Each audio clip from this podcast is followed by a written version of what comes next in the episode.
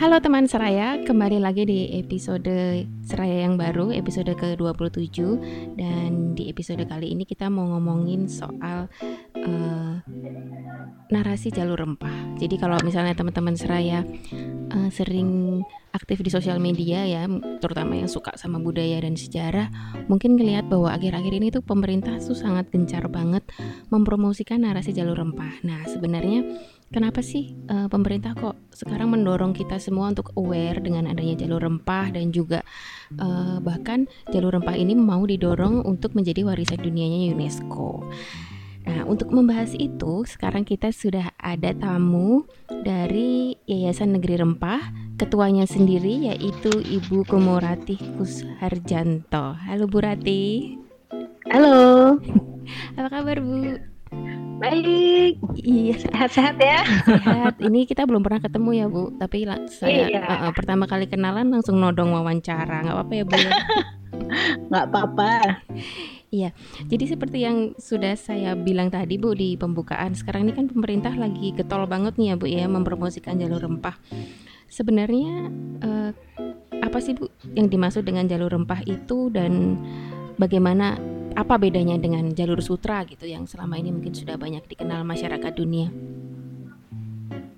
Ya, uh, jadi gini, jalur rempah itu uh, sebetulnya itu sebuah narasi besar ya. Mm-hmm. Uh, tapi sebelum kita sampai uh, ke jalur rempah yang begitu besar, sebetulnya yang perlu kita pahami dulu adalah uh, Indonesia itu kan uh, secara geografis ada di Katulistiwa, terus kemudian uh, hutan hujan tropis, ada di uh, Ring of Fire. Artinya secara geografis tanah kita itu subur gitu. Okay. Dan uh, di iklim tropis ini memungkinkan uh, di Nusantara itu tumbuh berbagai uh, tanaman yang uh, kaya gitu ya.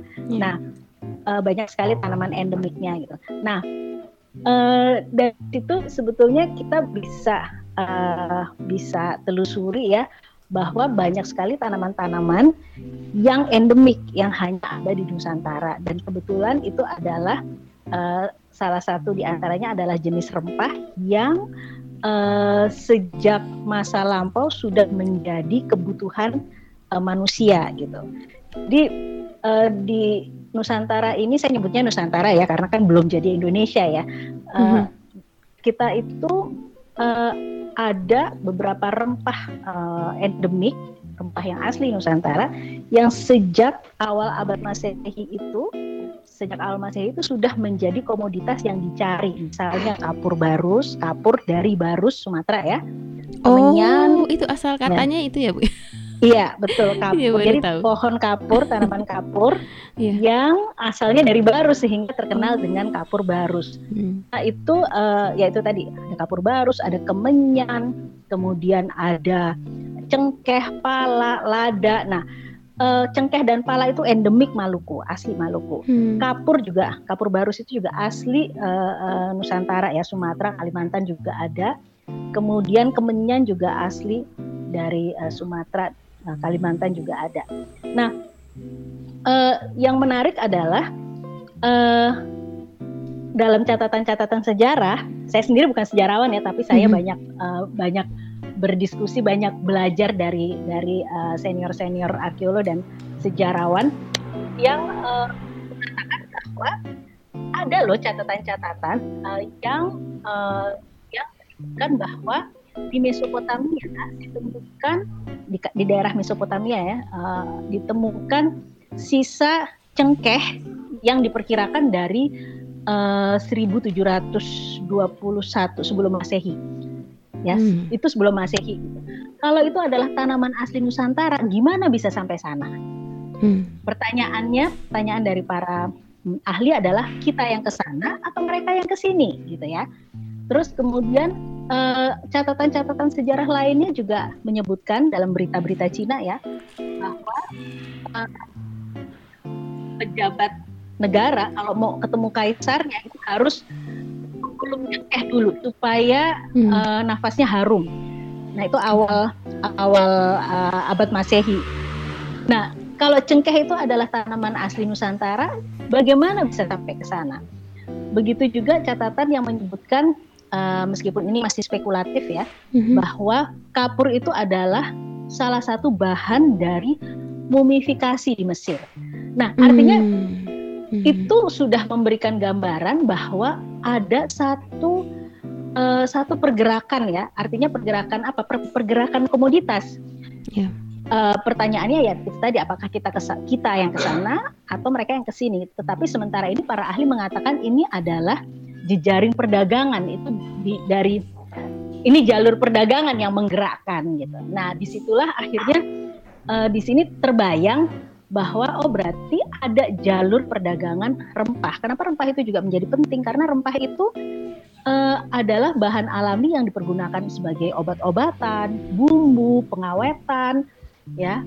Dan uh, itu uh, salah satu komoditas yang penting bagi uh, kehidupan manusia gitu. Nah, yang menarik adalah kalau dari perspektif uh, budaya ya, kita jangan lihat jangan lihat uh, rempahnya semata-mata, tetapi bagaimana di Nusantara ini yang tempatnya rempah-rempah yang dicari ya, ketika banyak bangsa itu mencari rempah yang terjadi bukan sekedar pertukaran komoditas, tetapi Nusantara itu menjadi ruang silaturahmi. Bagaimana ada eh, bangsa-bangsa uh, lain yang ke sini yang tidak hanya berdagang, tapi juga bertukar gagasan, agama masuk, bahasa masuk, dan seterusnya. Jadi, jadi uh, pertukaran dan pemahaman antar budaya itu yang terjadi selama berabad-abad lampanya, beribu-ribu tahun, yang membentuk uh, peradaban uh, dunia gitu. Jadi jalur rempah itu signifikansinya di situ. Kenapa ini menjadi penting? Karena di, uh, dengan demikian Indonesia juga uh, mau berkontribusi lah pada uh, uh, peradaban uh, dunia gitu ya bahwa kita juga punya peran loh rempah itu mengubah uh, peradaban dunia, mengubah sejarah dunia begitu. Kurang lebih yeah. seperti itu. Jadi ini sebenarnya sudah mulai sebelum zaman kolonial ya Bu Ratih ya? Kolon betul, kolonial itu hanya hanya sekelumit, hanya ya paling 400 tahun dan itu hanya sepenggal kecil dari timeline yang begitu panjang. Jadi mm -hmm. masa jalur kita bicara itu tadi sebelum masehi uh, dengan pertukaran uh, apa campur ada lada itu sebetulnya bukan bukan asli dari Nusantara itu dari India ya tetapi mm -hmm. uh, sebelum uh, apa abad uh, uh, abad pertama sebelum masehi itu ketika perdagangan dengan India sudah mulai ada dengan Nusantara tanaman lada itu dibawa ke sini dan ketika ditanam di Nusantara ternyata tumbuh subur juga gitu dan akhirnya menimbulkan uh, uh, apa varian atau kultivar baru lah katakanlah demikian apa. Jadi itu uh, dari apa yang saya uh, dapatkan uh, ngobrol dengan beberapa pakar uh, etnobiologi gitu. Jadi jadi tanah kita yang subur itu juga ikut memberikan uh, apa ya? menciptakan satu uh, kondisi yang memungkinkan pergerakan kebudayaan itu sendiri gitu.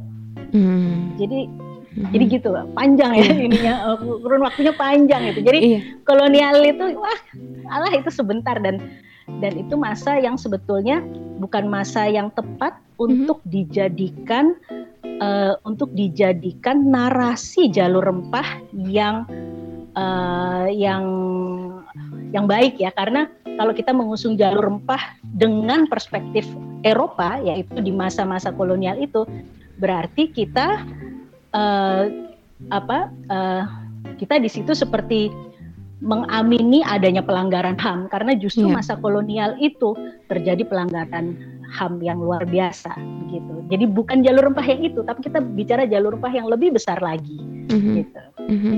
Mm-hmm. Kalau kota-kota di Indonesia yang memang diunggulkan mm-hmm. untuk dimasukkan ke dalam jalur rempah ini di mana, Bu? Apakah semuanya kan juga nggak mungkin ya?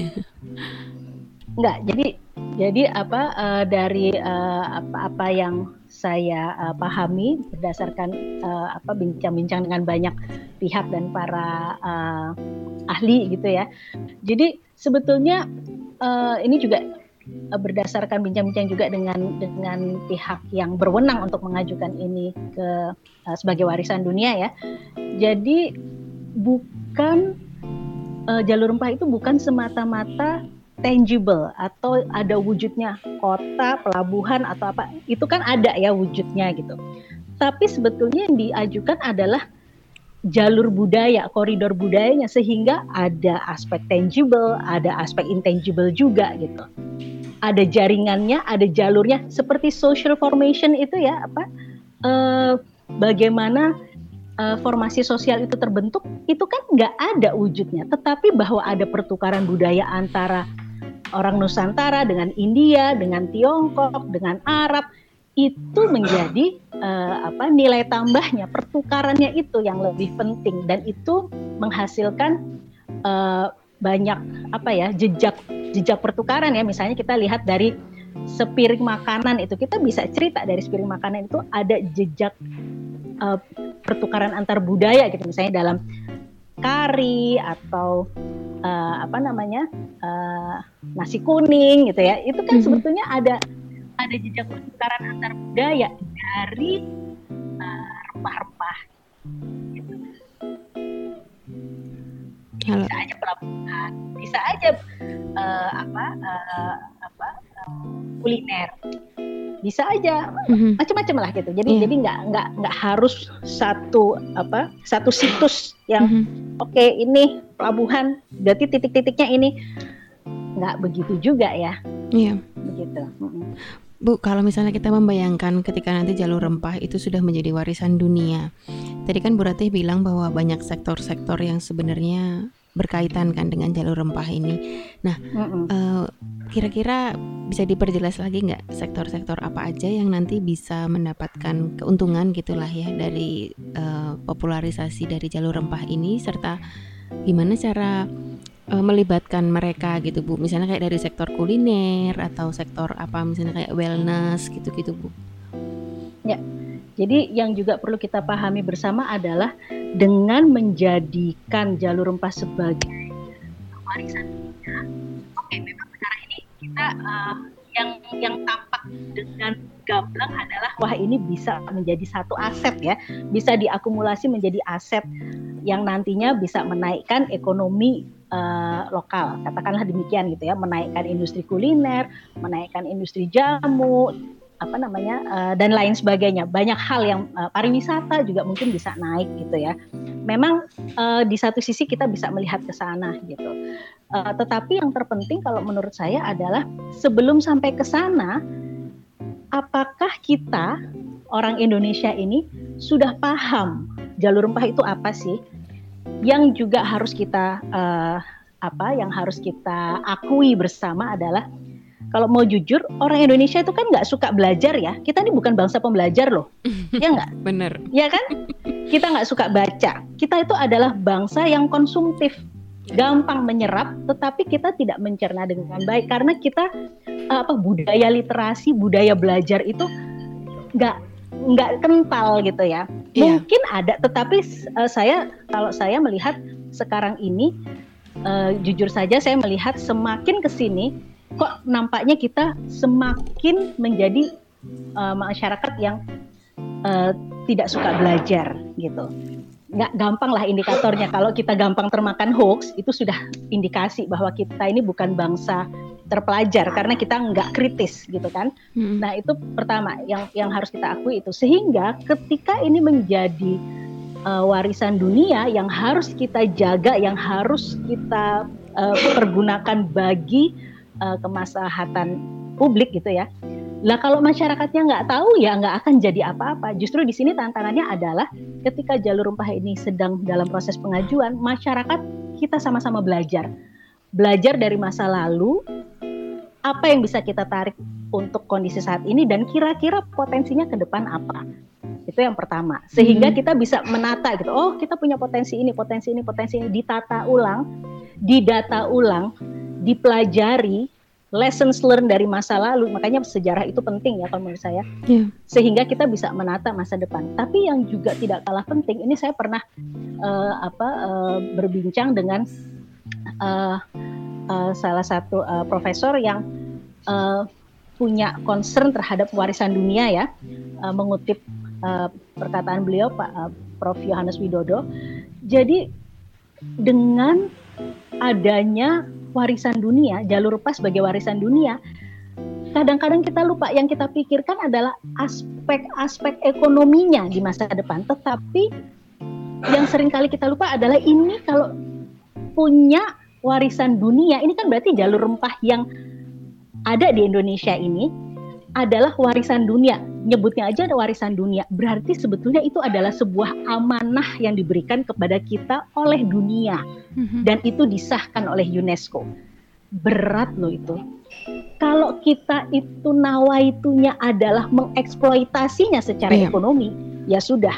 Tetapi ketika kita melihat ini sebagai sebuah amanah dan jalur rempah itu menjadi satu tonggak peradaban dunia, peradaban manusia, tonggak sejarah, maka dengan sendirinya arahnya akan menuju kebaikan bersama gitu. Mm -hmm. Jadi saya pikir yang paling yeah. krusial itu adalah itu kita mampu belajar nggak dan kita mampu melihat nggak bahwa ini bukan semata-mata ekonomi, bukan yeah. semata-mata citra, bukan mm -hmm. semata-mata branding, tapi kita menjaga amanah dunia karena ini adalah warisan bersama milik dunia. Begitu. Hmm. Jadi kalau menurut Ibu mungkin perlu dilakukan kayak semacam um, sosialisasi gitu ya ke berbagai lapisan masyarakat mengenai apa sih sebenarnya jalur rempah dan mungkin malah mungkin harus masuk ke kurikulum pendidikan gitu ya Bu supaya Betul. sebanyak banyak anak atau anak-anak muda yang sadar gitu bahwa kita ini punya jalur rempah gitu.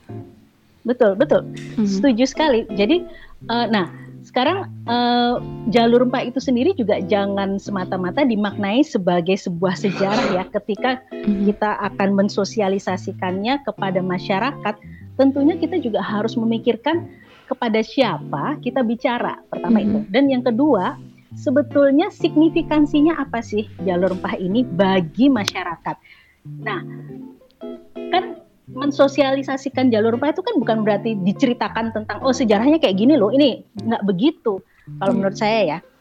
Kalau ini untuk ibu-ibu mungkin kita bisa bicara tentang maknailah jalur rempah ini dengan caramu. Apa? Bedah resep masak masak masakan gitu ya apa eh, apa resep tradisi nenek moyang kita yang nampaknya ini bisa kita uh, lestarikan atau mungkin kita pelajari lebih lanjut yang arahnya misalnya ke ketahanan pangan dan lain sebagainya. Terus kemudian jadi konteksnya bisa beragam. Jamu misalnya mungkin sekarang menjadi relevan ketika adanya COVID. Akhirnya kita jadi belajar lagi. Jadi jalur rempah itu juga harus dimaknai kita juga harus terbuka untuk membiarkan masyarakat memaknai jalur rempah sesuai dengan pemahamannya yang nantinya lama-lama bisa berkembang. Tentunya itu kan uh, semakin ada pengetahuan baru pengetahuan dan akhirnya semakin paham gitu ya. Jadi tidak dalam konteks yang sempit. Anak-anak misalnya kalau diajarin sejarahnya mungkin ya jujur aja ya pelajaran sejarah itu mungkin adalah salah satu pelajaran yang membosankan kalau di sekolah. Tetapi bagaimana anak-anak itu memaknai rempah itu nggak usah jauh-jauh deh apakah anak sekarang itu tahu mana yang mana yang namanya jahe lengkuas, kemiri, kecombrang tahu nggak? Nggak tahu loh. Mungkin pastinya dari situ dulu.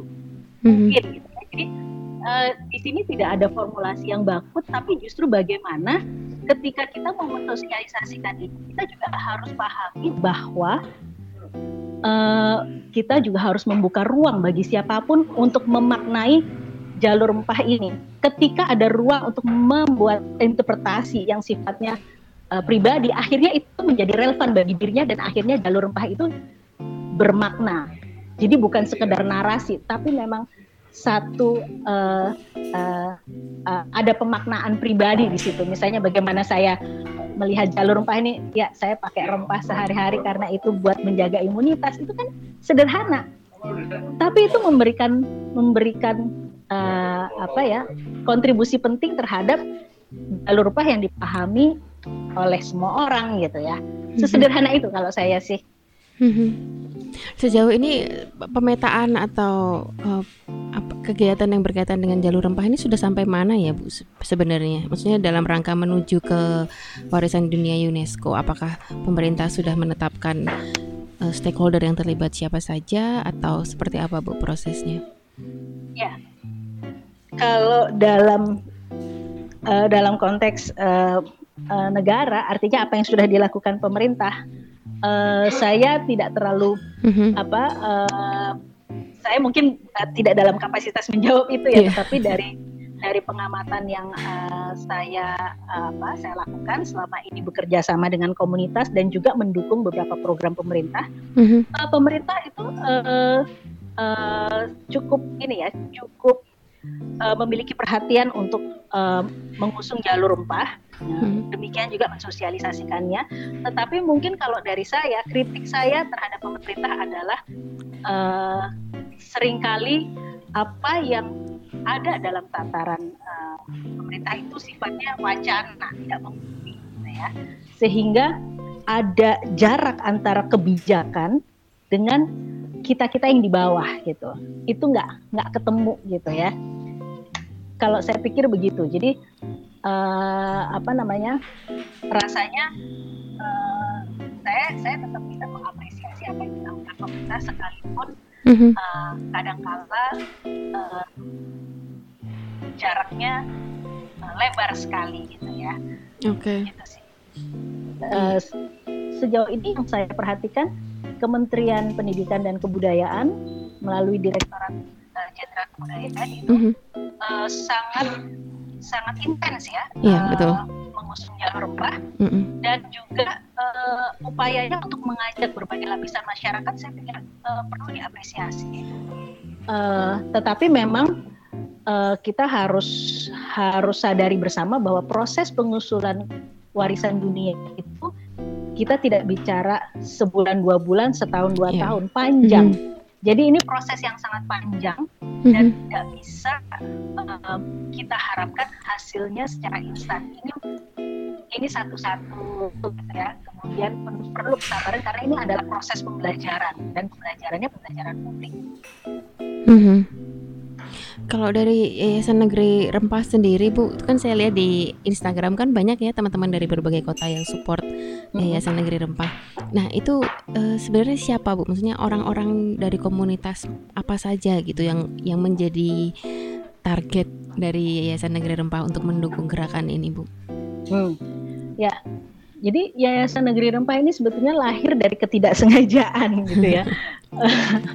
Jadi awalnya dulu sekitar uh, apa namanya ya beberapa tahun yang lalu ya uh, saya dan beberapa teman itu punya satu program uh, apa jalan-jalan uh, jelajah budaya gitu ya uh, apa cultural trip gitu yang uh, dalam setiap uh, programnya setiap kali jalan-jalan itu kita selalu punya uh, konten yang hendak diangkat. Artinya selalu ada uh, temanya, apakah itu berkunjung ke keraton, ke kerajaan, apakah itu ke pedalaman, apakah itu ke daerah pesisir, dan selalu ada narasumber ahlinya yang mendampingi, apakah itu arkeolog, sejarawan, antropolog, dan itu uh, program yang uh, bisa dikatakan minat khusus gitu.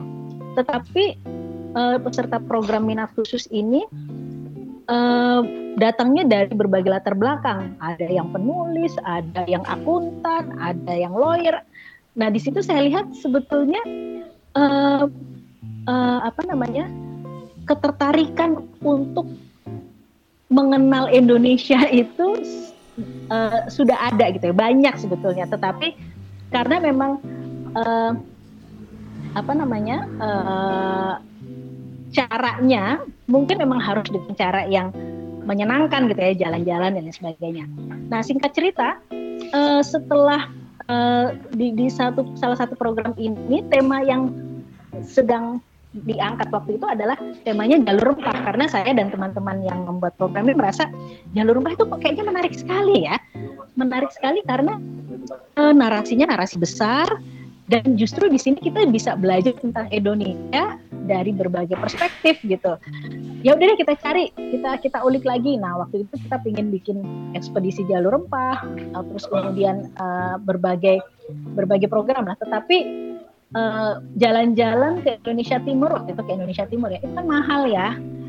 Pesawatnya aja udah berapa gitu ya. Sehingga waktu itu bukannya tidak ada yang berminat tetapi lebih pada aduh mahal banget ya kalau ke sana rame-rame gitu. Teman-teman itu juga teman-teman komunitas traveling uh, kita waktu itu traveling kami waktu itu juga aduh nggak visible nih harganya mahal banget. Ya sudah dipendam dulu idenya gitu ya. Mm-hmm. sampai suatu ketika ada kesempatan dari teman-teman komunitas juga yang mengajak pameran di 2015 di Museum Nasional.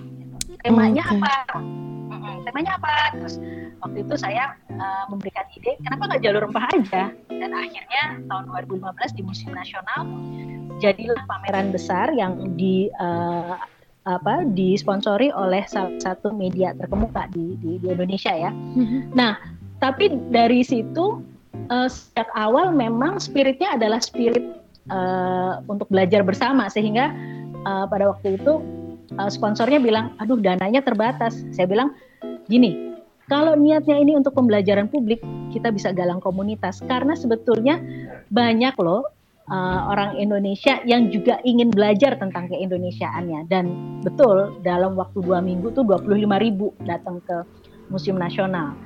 Nah wow. itu menjadi itu menjadi pemi, menjadi semangat lah ya pemicu semangat bahwa oh ternyata ini bisa bisa dilakukan dan ini berbasis komunitas gitu spirit komunitasnya juga tetap mm -hmm. tinggi.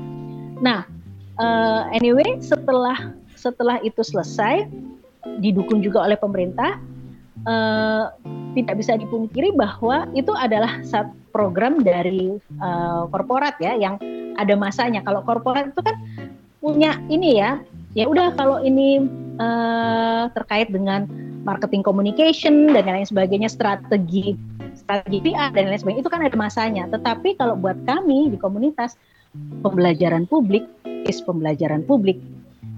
Jadi ada sponsor nggak ada sponsor, ada pemerintah nggak ada pemerintah. Kalau kita mau jalan untuk pembelajaran publik, ya kita jalan karena hmm. basisnya komunitas. Saya percaya betul dengan kekuatan komunitas gitu. Dan akhirnya kita berjalan sampai hari ini. Acaranya sederhana, misalnya kayak kongko bareng, kumpul bulanan, dan itu kumpulnya benar-benar, oh siapa yang mau dengerin nih? Ada arkeolog yang akan bercerita tentang uh, apa namanya jalur rempah di Banten misalnya. Hmm. Uh, lalu waktu itu yang uh, apa uh, uh, kami nembung ya, nembung itu apa ya? Uh, minta bantuan gitu ya para narasumber ahli ini yang berkenan nggak berbagi bersama kami gitu ya. Ini benar-benar acara komunitas. Jadi betul-betul dari kita untuk kita belajar bersama dan uh, jadi bisa dikatakan yang menggerakkan ini memang sukarelawan yang memang bersedia. Kalau nggak bersedia ya nggak apa-apa juga uh, itu hak setiap orang gitu ya. Tetapi spiritnya adalah ingin belajar dan saling berbagi. Rupanya itu spirit yang luar biasa. Jadi dari apa namanya dari mulai para uh, pakar yang juga bersedia untuk berbagi gitu ya.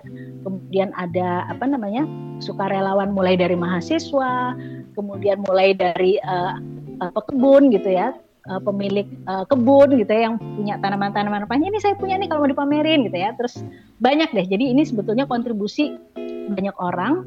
Nah, kemudian salah satu yang uh, menjadi sukarelawan uh, narasumber yang suka kita mintakan pendapat dan juga sharing itu adalah uh, Pak Hasan Wirayuda. Beliau uh, mantan uh, Menteri Luar Negeri RI mm-hmm. tahun 2000 sampai 2009 itu.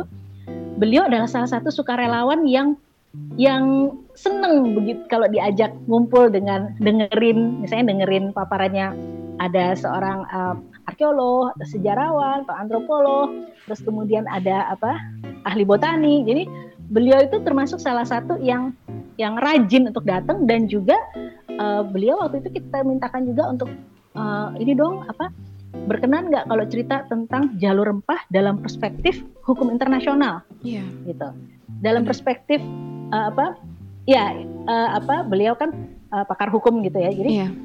dalam perspektif yang berbeda lagi beliau mm -hmm. mau gitu sampai suatu ketika beliau tuh nanya ini sebetulnya perkumpulan apa toh gitu ya. ini ubiang-ubiung rame-rame gitu kegiatannya banyak menarik sering pameran dan lain sebagainya. Tapi ini uh, uh, apa namanya uh, lembaganya apa? Waktu itu saya bilang ya ini inisiatif masyarakat aja komunitas. Dan bentuknya seperti perkumpulan yang cair sekali. Siapa pun boleh ikut gitu. Hmm. nah beliau uh, meng ini apa me, me, uh, memberikan saran sebaiknya dibentuk sebuah organisasi yang berbadan hukum hmm. sehingga apa yang sudah menjadi uh, spirit dari teman-teman ini uh, itu tidak tidak mudah uh, hilang kalau itu sifatnya perkumpulan yang cair. Yeah.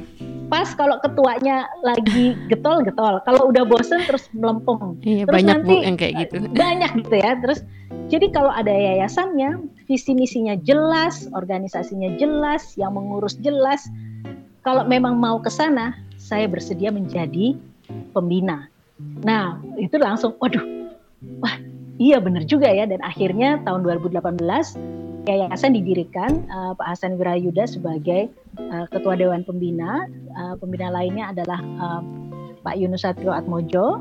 Uh, beliau juga salah satu uh, apa uh, ahli arkeologi ya yang yang cukup senior uh, dan sempat menjadi uh, tim ahli cagar budaya kemudian hmm. juga ada Mas Bram Kusarjanto yang jadi pembina. Nah, tapi di situlah mulai uh, semangatnya menjadi baru gitu karena akhirnya ada apa ya uh, ada organisasi yang bisa menampung berbagai aspirasi dari teman-teman yang ingin berkontribusi dan juga ingin belajar tentang keindonesiaan yang entry pointnya adalah narasi jalur rempah. Jadi siapa aja boleh bergabung hmm. nih Mbak. Hmm. Yang penting sukarelawan. yang penting suka rela mau gitu yeah, jadi yeah. bebas gitu Oke, menarik nih Bu. Nanti saya juga mau gabung deh Bu, kalau boleh. Ayo, ayo, ayo. Seneng banget nih. Saya seneng banget kalau ada yang mau gabung tuh. Wah, seru. Iya. Eh, Bu, tadi kan kalau Pak Hasan Wirayuda tadi ngomongin soal perspektif hukum internasional untuk membaca jalur rempah, Ibu. Uh, yeah. Iya. Apakah kalau kita lihat jalur sutra itu kan sebuah bukan situs ya sebuah narasi yang transnasional jadi hmm. melewati batas-batas hmm. negara sempat nggak bu ada wacana jalur rempah ini kita juga mau uh, transnasional gitu jadi nggak cuma Indonesia aja tapi melibatkan negara oh, lain memang mm-hmm. memang justru jalur rempah itu ada yang yang utama adalah interkonektivitasnya jadi jalur rempah itu bukan bukan lantas kok di Nusantara aja enggak, iya. justru interkonektivitasnya dengan dunia sehingga sebetulnya jalur sutra maritim dan jalur rempah mm-hmm. itu tidak ada bedanya kalau menurut saya. Semuanya itu jalur jalur budaya ya, rute budaya. Mm. Tetapi kalau jalur sutra maritim itu adalah konstruksi dari uh, Tiongkok ya, yang okay. mana uh, apa jalur sutra itu saya pikir ini ini menarik juga gitu ya. Uh, uh, sementara gini, jalur sutra itu kan uh, kita mendengar jalur sutra itu sudah lama ya. Yeah. Padahal jalur sutra itu jalur sutra darat ya, yang yang mm -hmm. di mhm. darat bukan mm -hmm. yang maritim ya. Itu baru tahun 2014 loh mendapatkan pengesahan dari UNESCO sebagai warisan dunia. Hmm. Yang menarik adalah selama ini ketika kita mendengar jalur sutra itu sudah terkonstruksi bahwa itu Cina. Jadi dibangun konstruksi itu hmm. secara sadar. Berbeda dengan jalur rempah. Ketika kita bicara jalur rempah, itu tidak semua orang juga bisa uh, uh, punya pemahaman yang sama.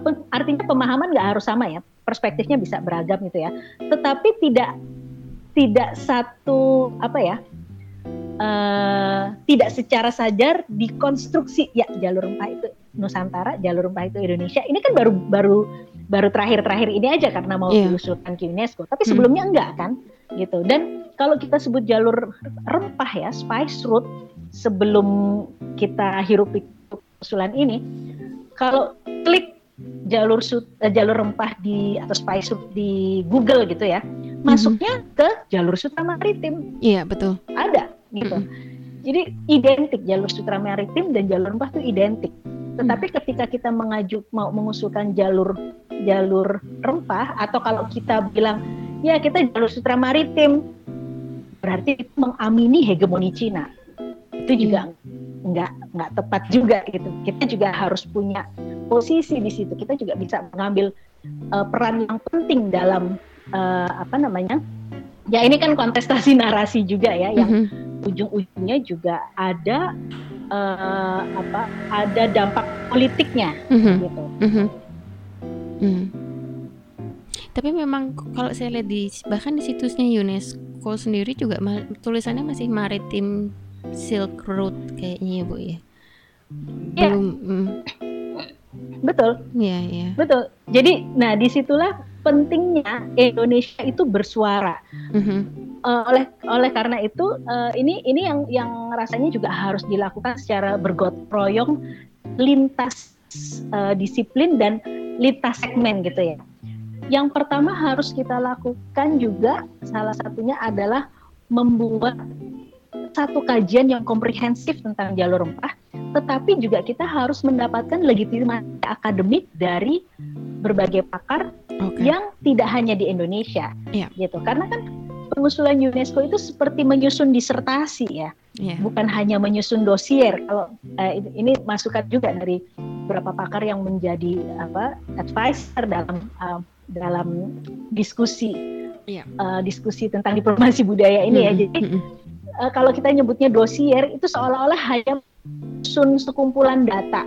Yeah. Tetapi sebetulnya yang sedang kita usulkan ini kan disertasi. Kita mengusulkan satu uh, narasi besar yang menjadi uh, penanda peradaban dan itu dicatatkan di UNESCO gitu. Sehingga hmm. ya legitimasi akademiknya juga harus kuat, kemudian masyarakatnya juga harus paham gitu ya yeah. sehingga itu bukan narasi kosong yang oke okay, tata negara ada narasinya tapi di hari-hari di masyarakat itu tidak tidak relate sama sekali itu juga mm-hmm. uh, tentunya nggak bisa begitu gitu ya karena mm-hmm. UNESCO pernah menanyakan terus apa gunanya jadi warisan dunia kalau masyarakatmu nggak ngerti apa gunanya ngapain dikasih nggak ada gunanya gitu yeah.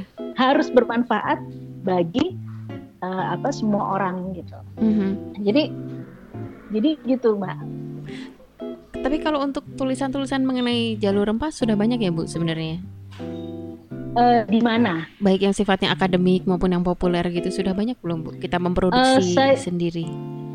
Uh, saya kalau menurut saya masih kurang banyak okay. ya, masih kurang yeah. banyak. Mm -hmm. Dan uh, pakar kita sebetulnya juga banyak meneliti ini, tetapi mm -hmm. ya itu tadi uh, apa belum banyak yang artinya gini loh uh, sudah banyak, tetapi ini kan harus terus digaungkan sehingga hmm. ini menjadi perdebatan perdebatan global gitu. Nggak hmm. hanya kita ribut-ribut sendiri.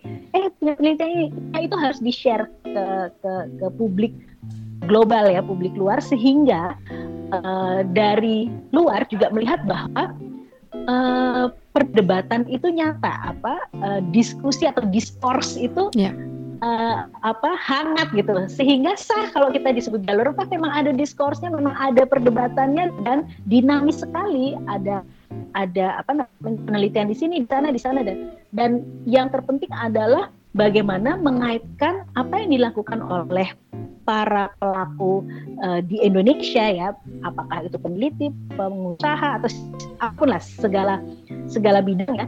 Itu juga bisa uh, apa namanya ditarik bagaimana uh, ini bisa uh, apa ya bisa ada interkonektivitasnya dengan uh, luar yang di luar Indonesia gitu. Dengan demikian itu juga mengukuhkan bahwa dari dulu sebetulnya jalur PA itu it's all about interconnectivity, pertukaran antar budaya gitu.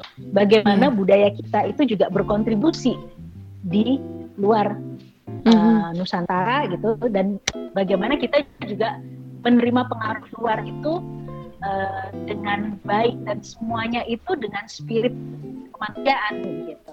Nah itu yang yang harus nampak.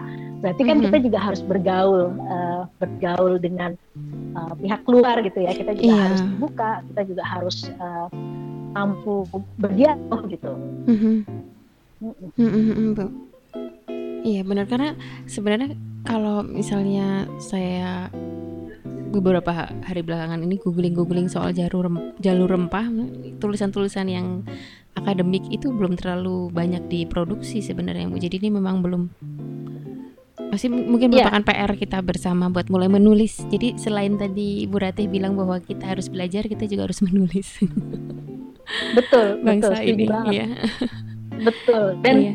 Dan kalau kalau apa Mbak Ami googling uh, -hmm. apa penelitian ke jurnal dan lain sebagainya, yeah. mungkin juga jalur rempah itu belum menjadi terminologi baku seperti jalur sutra. Sutra, iya betul, ya. iya. Tapi ketika dibaca, oh konteksnya jalur rempah nih gitu ya. Jadi mm-hmm. jalur rempah ini masih berupa code name, bukan kalau uh, kalau jalur sutra itu sudah sedikit banyak menjadi nation brand gitu ya. Iya. Yeah. Gitu. Jadi uh, sementara kalau di kita mungkin masih menjadi code name bahwa ini, ini jalur rempah. Jadi penelitian-penelitian misalnya tentang uh, apa uh, kondisi petani rempah di Pulau Seram gitu. Itu ceritanya kan rempah semua gitu ya. Mm-hmm. Tapi coba dibaca pernah nyebut jalur rempah nggak? Belum tentu disebutkan secara eksplisit yeah. spice root atau jalur yeah. Tetapi secara kontekstual itu jalur rempah. Itu gitu. jalur jadi rempah. Mm-hmm. itu uh, ya, uh, jadi jadi itu juga menjadi menjadi uh, apa ya? Ya, jadi kalau dibilang penelitian yang nggak banyak tergantung yang okay. dilihat konteksnya atau namanya karena kalau okay. nama mungkin iya, tidak betul, muncul betul. secara eksplisit tapi kalau iya. konteks mm-hmm. itu muncul banyak gitu wah benar juga bu Yayasan Negeri Rempah sendiri kayaknya pernah nerbitin buku juga ya bu? Yang Tales of the Lands. Oh ya? Nah, ya kami itu menerbit, apa, menerbitkan. Jadi gini, jadi uh, apa buku itu diterbitkan tahun 2018. Mm -hmm. uh, itu adalah satu uh, jadi pada waktu itu kami diminta membantu Kementerian Koordinator Kemaritiman ya. Dan salah satu salah satu waktu itu yang uh, dikembangkan adalah uh, apa namanya? Uh, budaya maritim ya. Budaya maritim itu menjadi satu isu yang yang waktu itu uh, banyak dibicarakan gitu. Dengan adanya Kemenko Kemaritiman itu kan berarti budaya maritim itu budaya bahari itu menjadi menjadi uh, harus dirumuskan kembali lah katakanlah demikian gitu ya. Yeah. Nah uh, waktu itu karena kami banyak bergerak di komunitas dan kebetulan di dalam yayasan sendiri juga uh, banyak uh, apa peneliti, penulis yang juga banyak terlibat di uh, apa kegiatan-kegiatan di daerah gitu. Akhirnya kami mengusulkan kami ingin membuat satu buku gitu ya. Buku ini uh, pernah uh, kontennya itu juga pernah di dipamerkan di tahun 2015 ya terinspirasi dari dari dari pameran itu yang kebetulan yang bikin juga kita kita juga kan waktu itu kontennya teman-teman mm -hmm. juga dibukukan aja yuk karena ini menarik sekali isinya itu sebetulnya adalah jejak kemaritiman dalam perniagaan rempah gitu. Kenapa okay. kok disebut jejak kemaritiman? Karena jalur rempah itu sejatinya adalah yeah. berlaut gitu yeah, ya. Uh, berbeda dengan jalur sutra yang jalur darat. Nah, di situ kita bicara jejak kemaritiman nggak ada single route gitu ya, nggak ada rute yang tunggal. Banyak sekali uh, rute menuju Nusantara. Nah, di situ uh, cerita uh, kisah-kisah negeri di bawah angin itu uh, bercerita tentang bagaimana dari masa ke masa uh, Nusantara itu uh, di berbagai tempat pernah menjadi puncak-puncak uh, uh, perdagangan rempah uh, mm-hmm. di masanya masing-masing gitu. Mulai dari apa namanya masa apa Tarumanagara, Sriwijaya, Majapahit, Banten, negara-negara bandar Indonesia yeah. bagian tengah dan timur sampai akhirnya kita menjadi Indonesia itu juga karena rempah. Nah di situ cerita tentang apa jejak kemaritiman seperti apa dimulai dari Austronesia karena Austronesia ini dipercaya sebagai penutur Austronesia itu sebagai leluhurnya orang Nusantara ya. Mm-hmm. Gitu. Jadi uh, itu yang ada di dalam uh, buku kisah negeri di bawah angin dan kisah negeri di bawah angin ini memang satu terminologi yang uh, apa dimunculkan oleh uh, ahli sejarah negeri negeri-negeri di bawah angin itu Nusantara ini. Kenapa kok angin? Karena uh, ini terkait dengan pelayaran ya angin muson gitu kalau yeah. datang kalau menuju ke sini ke Nusantara dan meninggalkan Nusantara itu harus melihat pergerakan angin. Jadi jadi romantis banget narasi jalur empat itu memang romantis banget ya gitu. Jadi gitu. Kalau bukunya kira-kira nah ini kita sedang sedang berupaya untuk uh, mencetak ulang dalam versi bahasa Inggris. Tapi lagi-lagi karena ini adalah swadaya jadi sifatnya pre-order. Siapa yang mau beli ayo pesen dulu nanti kita cetak gitu. Karena karena prinsip kami uh, yang penting kita bergerak. Ada sponsor nggak ada sponsor ada pemerintah nggak ada pemerintah. Kalau masyarakat bisa bergerak dengan segala daya upaya dengan kesederhanaannya mm-hmm. tetap bisa jalan karena tujuannya adalah pembelajaran publik. Okay. Gitu. Keren banget Bu Rati. aku jadi kepengen lihat bukunya. Aku tuh udah lihat di Instagram dan kayaknya kok ini bagus, menarik nih. Masih jauh dari sempurna, tapi yeah. saya yakin justru uh, itu mungkin bisa berkontribusi sedikit terhadap uh, apa uh, pengetahuan tentang jalur rempah yang mungkin nanti suatu saat akan ditambahkan. Dan kita sekarang lagi siapkan pameran virtual oh. uh, yang berangkat dari itu. Nanti saya berikan linknya. Oh iya bu, nanti kita dikasih infonya. Mm -mm. Hmm, dan kami senang sekali kalau ada yang mau berkontribusi jadi kontributor gitu ya, ikut ikut apa. Saya punya aset virtual ini nih apa apa apa diamperin. Dan itu biasanya kita sebutkan kredit title jadi biasanya kalau dalam satu infografik atau satu hmm. pameran atau apa itu kredit title-nya banyak gitu. jadi siapa yang berkontribusi itu itu ada yeah. di situ tersebut uh, kalau bikin conference gitu sudah pernah belum bu yang temanya jalur rempah Udah. gitu oh sudah pernah juga sudah, ya jadi, sudah, jadi ini sudah yang kedua tahun ini. Yang oh, okay. tahun pertama 2019 International Forum on Spice. Dan oh. tahun ini baru saja September kemarin International Forum on Spice Route yang kedua. Uh, kalau yang pertama itu uh, didukung oleh uh, Kementerian Koordinator Kemaritiman. Mm -hmm. Dan temanya lebih banyak adalah mengumpulkan memori kolektif. Jadi sejarawan-sejarawan dari uh, apa uh, internasional banyak kita undang, termasuk salah satunya Pak Anthony Reid ya. Pak oh, Reid iya. ini kayaknya hmm. nggak hmm. ada yang nggak baca bukunya beliau. Beliau datang, beliau datang dan senang sekali waktu itu beliau datang. Jadi dan beliau adalah narasumber internasional pertama yang merespon surat saya dan itu begitu terima surat dari Pak Tony itu kayak ditembak pacar. Mau datang, itu senang banget. Nah, tahun kedua adalah tahun 2020 kemarin ya mm-hmm. didukung oleh Kementerian Pendidikan dan Kebudayaan tapi uh, temanya sudah sedikit lebih berubah kalau yang pertama itu lebih pada mengumpulkan memori kolektif yang sifatnya uh, ya sejarah dan sebagainya yang kedua ini lebih pada oke okay, kita sudah mulai mengumpulkan narasi-narasi sejarah memori-memori kolektif ya yang tentunya masih terus tumbuh ya mm-hmm. tetapi di tahun kedua ini karena ini juga berkaitan dengan pengusulan uh, jalur rempah sebagai warisan dunia, hmm. bisakah apa yang uh, menjadi warisan bersama ini itu punya relevansi terhadap konteks kontemporer? Gitu. Karena oh. pada saat oh. kita mengajukan jalur yeah. rempah ini sebagai warisan dunia dan itu adalah jalur budaya, mm-hmm. artinya Indonesia tidak bisa mengusulkan ini sendiri datang ke UNESCO eh kita kan jalur apa kita klaim ya nanti UNESCO akan bilang oh ini sopo kamu tuh siapa ya terang aja kamu klaim itu sendiri emang mm -hmm. kalau ini jalur rempah jalur budaya negara lain merasa jalur rempah nggak nah mm. itu PR-nya kita harus mendapatkan dukungan dari negara-negara lain yang juga memiliki uh, keterhubungan dengan jalur rempah secara budaya atau sejarah gitu punya kesejarahan yang sama misalnya gitu ya. Nah kalau mereka bilang ya jalur rempah. Indonesia itu jalur rempah.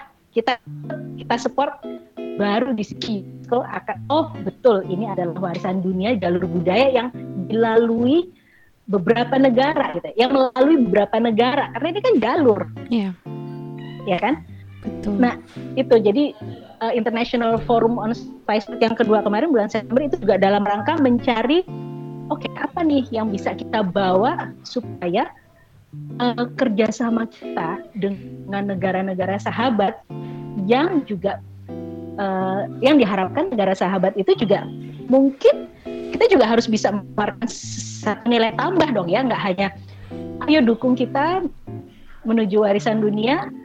Mereka akan tanya, oke, okay, kira-kira Indonesia bisa mengkontribusikan apa ya? Nah, hal-hal seperti itu kan biasa ya. Nah, di situ kita juga dalam rangka mencari uh, mencari apa ya? mencari warna dalam diplomasi budaya untuk pengusulan uh, warisan dunia jalur mm -hmm. Jadi ini warisan bersama. Nah, arahnya lebih ke sana, lebih kontemporer. Gitu. Makanya mm -hmm. di sana kita bicara uh, perubahan iklim, terus kemudian kita bicara mm. tentang apa namanya? Uh, ya, hal-hal yang sifatnya bisa kita lihat sebagai masalahan hari ini, tetapi solusinya adalah dengan uh, apa uh, mengedepankan warisan bersama ini. Kita sama-sama jalur mm-hmm. kita sama-sama punya uh, apa leluhur kita sama. Kita dulu kan kita terhubung jadi hal-hal yang seperti itu yang yang harus diupayakan supaya usulan ini uh, bisa diterima sebagai warisan I iya. Dan juga penting untuk menekankan ini ya bu kekontemporeran daripada jalur rempah. Karena mungkin warisan dunia kan sekarang UNESCO maunya yang masih ada relevansinya juga ya dengan zaman sekarang. Jadi bukan yang membicarakan masa lalu melulu gitu tapi yang bisa membuat betul. dunia ini lebih sustainable gitu misalnya atau bisa membantu mengurangi uh, ya bisa di ya iya Oh, iya, harus. SDG ya. Sekarang sekarang warisan SDG. dunia harus mempertimbangkan banyak hal, perubahan iklim, indigenous people, SDG. Betul. Macam-macam. Betul. Mm-hmm. Saya pikir itu itu juga betul ya karena itu tadi kalau kita kembali bahwa ini adalah sebuah amanah dari dunia ya berarti memang wajib kita memikirkan itu yeah. bukan hanya eksploitasinya yang mm-hmm. kita pikir wah ini ini jadi asli terus kemudian diakumulasikan ini nanti akan ada pertumbuhan ekonomi lah yeah. itu eksploitasi aja gitu ya justru melihat harus bisa melihat bahwa ini amanah amanah apa ya kemanusiaan sebetulnya nah itu kita bisa jaga nggak oke okay. wah ini sudah mencapai pertanyaan terakhir nih Bu. Tapi seperti sudah terjawab dengan pap paparannya Bu Ratih barusan. Kira-kira apa Bu? Uh, mungkin bisa membicarakan mengenai rencana ke depan dari Yayasan Negeri Rempah juga pesan-pesannya Bu Ratih buat teman-teman yang sedang bersama-sama ya. mengusung narasi jalur rempah ini apa? Ya kalau saya saya uh, saya nggak muluk-muluk ya. Mhm. Sebetulnya uh, kembali lagi ini saatnya kita belajar. Kita belajar dan kita berendah hati bahwa belajar itu uh, apa namanya bisa dari siapa pun. Tidak harus di bangku sekolah tapi ini adalah uh, apa kerendahan hati kita untuk mendengar melihat kemudian um, memaknai itu bagi kebaikan bersama gitu. Jadi uh, ya ini waktunya kita belajar mm-hmm. yang pertama sih itu ya yang yang yang utama yang yeah. utama jadi kalau ditanyakan ke depannya akan menjadi apa, uh, ingin menjadi apa, tentunya kalau saya, saya pinginnya ini kita maju sama-sama dan hmm. yayasan juga kalau apa, uh, kalau memungkinkan gitu ya, bisa menjaring banyak pihak yang mana kita akan uh, apa ya uh, bersinergi bersama dalam rangka belajar bersama menjadi Indonesia. Gitu. Wow. Harus Indonesia yang lebih baik. Yeah. Dan upaya-upayanya ini juga harus memanusiakan manusia. Hmm. Hmm. Dan nggak eksploitatif ya bu. Iya. Oke, terima kasih banyak berarti sudah mau terima ngobrol kasih. selama satu jam ini. Gak kelamaan kan bu? Mudah-mudahan bermanfaat. Saya iya. mengajak teman-teman yang mau bergabung silahkan tidak ada batasan-batasan yang penting uh, yang penting rela suka rela Oke, okay, nanti gitu. siap nanti saya pasti bergabung, Bu. nanti kita kontak-kontakan lagi. Siap, okay. siap. Terima kasih Bu Rati. Uh, kiranya bisa kita tutup sampai di sini dan terima kasih juga buat fasilitasi dari Kementerian Pendidikan dan Kebudayaan. Uh, buat teman-teman Seraya, silahkan langsung follow uh, Instagram kami di @seraya.podcast dan sampai jumpa di episode berikutnya. Bye.